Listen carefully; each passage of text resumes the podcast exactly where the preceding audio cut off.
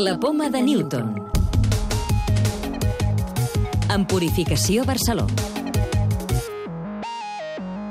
Avui us parlem de la sonda Rosetta de l'Agència Espacial Europea que es va despertar el mes de gener i que l'estiu farà possible el primer aterratge sobre un cometa de la història aeroespacial.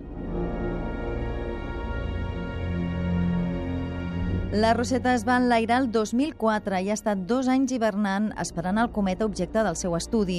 Quan estigui a dos milions de quilòmetres hi farà aterrar un vehicle que l'estudiarà sobre el terreny. Josep Maria Trigo, astrònom de l'Institut d'Estudis Espacials de Catalunya. Doncs és una fita molt important, no només el fet d'aterrar, farà tot eh, tipus d'anàlisi químics i isotòpics de la composició del nucli, la qual és una fita molt important, és certament important per a per a poder conèixer com, és, eh, com són aquests cometes periòdics.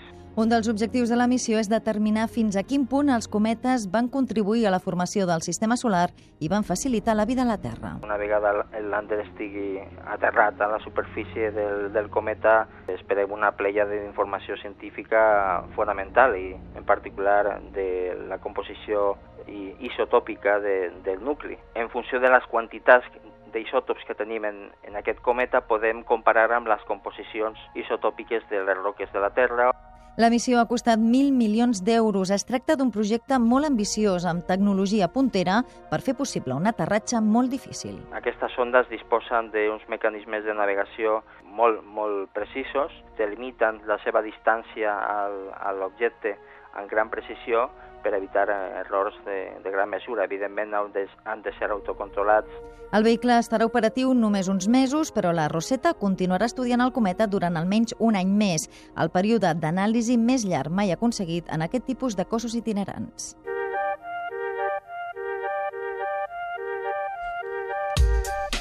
Altres qüestions destacades. El 25% dels transplantats cardíacs sobreviu més de 20 anys amb el mateix cor, segons la Societat Espanyola de Cardiologia. Ser menor de 45 anys en el moment del trasplantament millora el pronòstic. El 82% dels trasplantats manté un bon nivell de qualitat de vida als 20 anys. El 6% és parcialment dependent i el 12% té una dependència total. Científics espanyols reben un premi internacional per les seves investigacions sobre l'hemofília. El projecte guanyador obre la porta a un tractament personalitzat d'aquesta malaltia.